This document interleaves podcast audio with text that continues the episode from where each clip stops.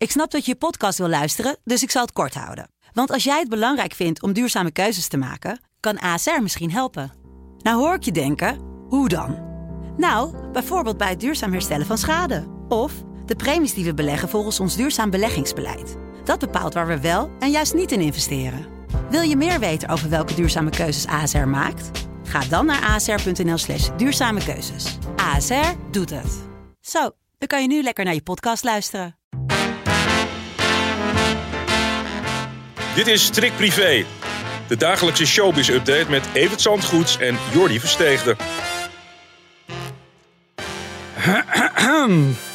Ja, even de keel te smeren, want eh, straks hebben we een BN'er die gaat scheiden en die eigenlijk de afgelopen jaren nog mooi weer speelde. Nou, die het keihard ontkende Ja. in, in mei tegenover ons. En toen moet het toch al eh, z- zijn beslag hebben gekregen, want de verhuiswagen stond notabene voor de deur. Nu ben ik extra nieuwsgierig, maar over mooi weer gesproken, weerman Dennis Wild, die heeft Zo. Expeditie Robinson En wat lijkt hij erop, hè? Op Robinson Crusoe. Echt ongelooflijk. Ik heb nog nooit een winnaar gezien die echt twee druppels water eh, de naamgever van het programma is. Ja, hij heeft het echt ontzettend moeilijk gehad al die maanden om dat geheim te houden. Want je verlangt ook nogal wat van die deelnemers om het zo lang geheim te houden. Ja. En het is me eigenlijk ook een raadsel dat het zo lang geheim blijft. Want zelfs de finale die gisteren te zien was, die was al eh, ruim een maand geleden opgenomen. Want daar zat eh, Rick Brandsteder nog in. Nou, die zit al een maand opgesloten in Zuid-Afrika in een afkeerkliniek. Dus het is daarvoor eh, gebeurd. Denk je dat dat dan bewust is gedaan? Dat, Nou, niet speciaal voor hem, maar het stelde hem wel in de gelegenheid om die gevaarlijke decembermaand met alle drank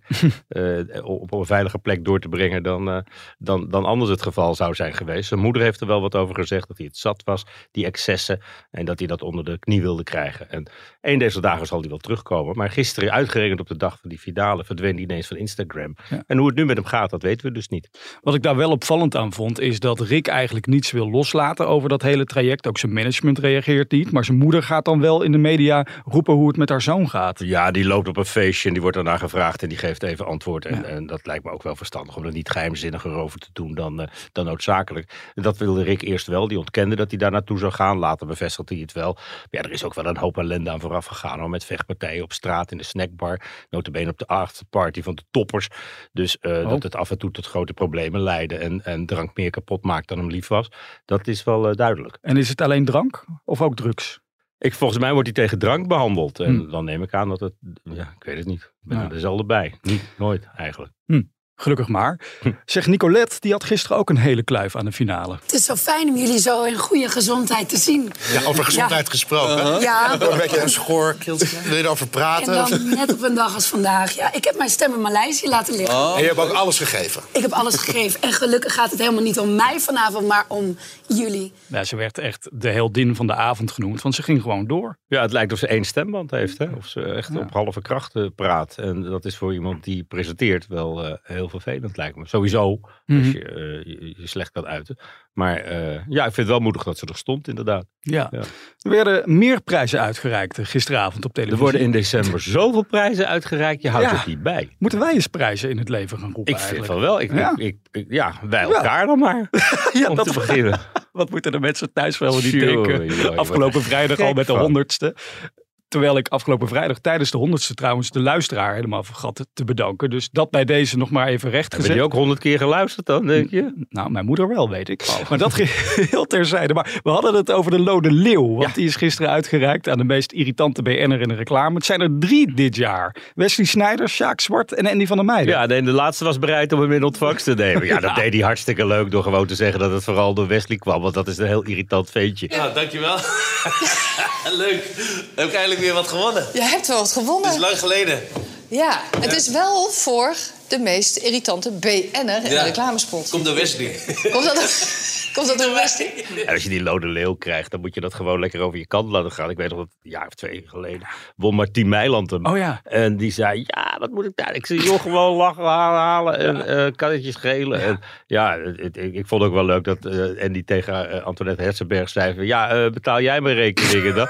dus ja, daar gaat het toch ook om. Die, Ja. die- Antoinette heeft gelijk. Het zijn bloedirritante spotjes. Maar ja, eh, eh, ja, dat- Knaken, hè? ja toch? Ja, ja. Wat zouden ze ervoor krijgen eigenlijk? Ja, wel behoorlijk wat natuurlijk. Ja. En dat keer vier. Dus het zijn dure spotjes ook nog eens. En het budget wat je ziet waarmee de regelmaat eh, waarmee het uitgezonden wordt, dan is dat een miljoenen exercitie geweest. En Ja. daarvan strijken zij natuurlijk zeker een paar ton op.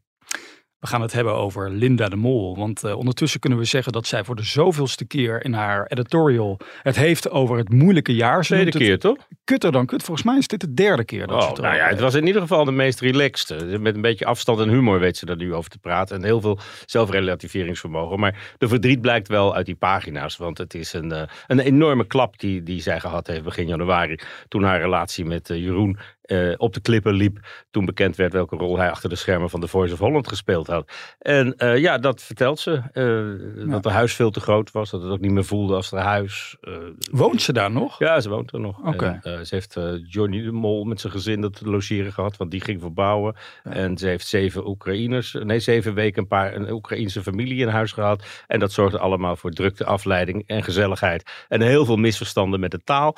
En dat beschrijft ze allemaal heel erg leuk. Maar ja, het geeft wel aan dat het uh, 2022 uh, iets is wat zij zo snel mogelijk achter zich wil laten. En dan is het heel spannend wat ze gaat doen in 2023. Want ze sluit zelfs niet uit dat ze gewoon een mediacarrière voor gezien houdt. Nou, dat Geloof zou... je dat? Nee, die vrouw nee. zit er al 40 jaar in. Is gemaakt voor televisie en voor media.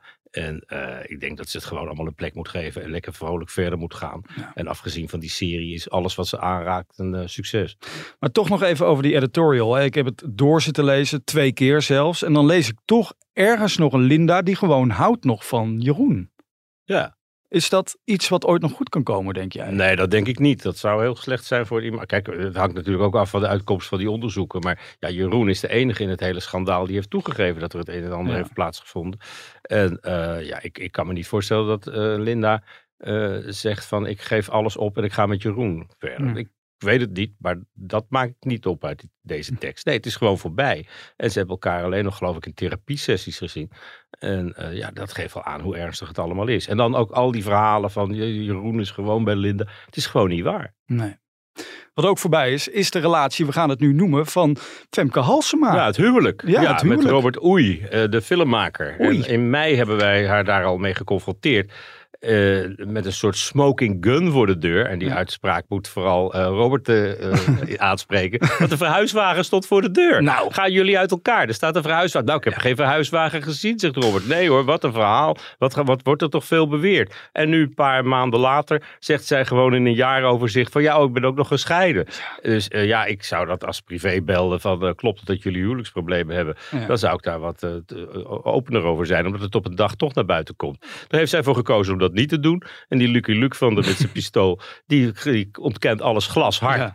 En die zegt gewoon, uh, nee, er is helemaal niets aan de hand. Terwijl wij de informatie hadden dat hij naar dat huis vertrokken heeft wat ze buiten Amsterdam hebben. En zij natuurlijk in de Amstwoning bleef. En bovendien dat er ook een ander in het spel was. Een Oh. zekere Jorinde, zijn zakenpartner met wie die films en documentaires maakt. En uh, ja, dat kende die ook. Maar ja, daarvan ben ik nu toch geneigd dat onze wel ingelichte bron Nou. het op dat punt ook bij het rechte eind had. Nou, ze had beter niet kunnen liegen. Maar even hè, over, over deze hele zaak zou het ook nog meegespeeld kunnen hebben. Dat die, dat pistool op een gegeven moment gevonden werd. Hè, dat dat voor haar zoiets was van ja, hallo, mijn imago gaat er nu ook aan. Dat ook zij heeft gekozen van joh, we kunnen beter uit elkaar gaan. Nee, ik denk dat er een ander in het spel is. Ja, dat dat, is dat de het. reden is. Ja. En uh, dat uh, Billy de Kid uh, gewoon wel gelukkig is met kerst.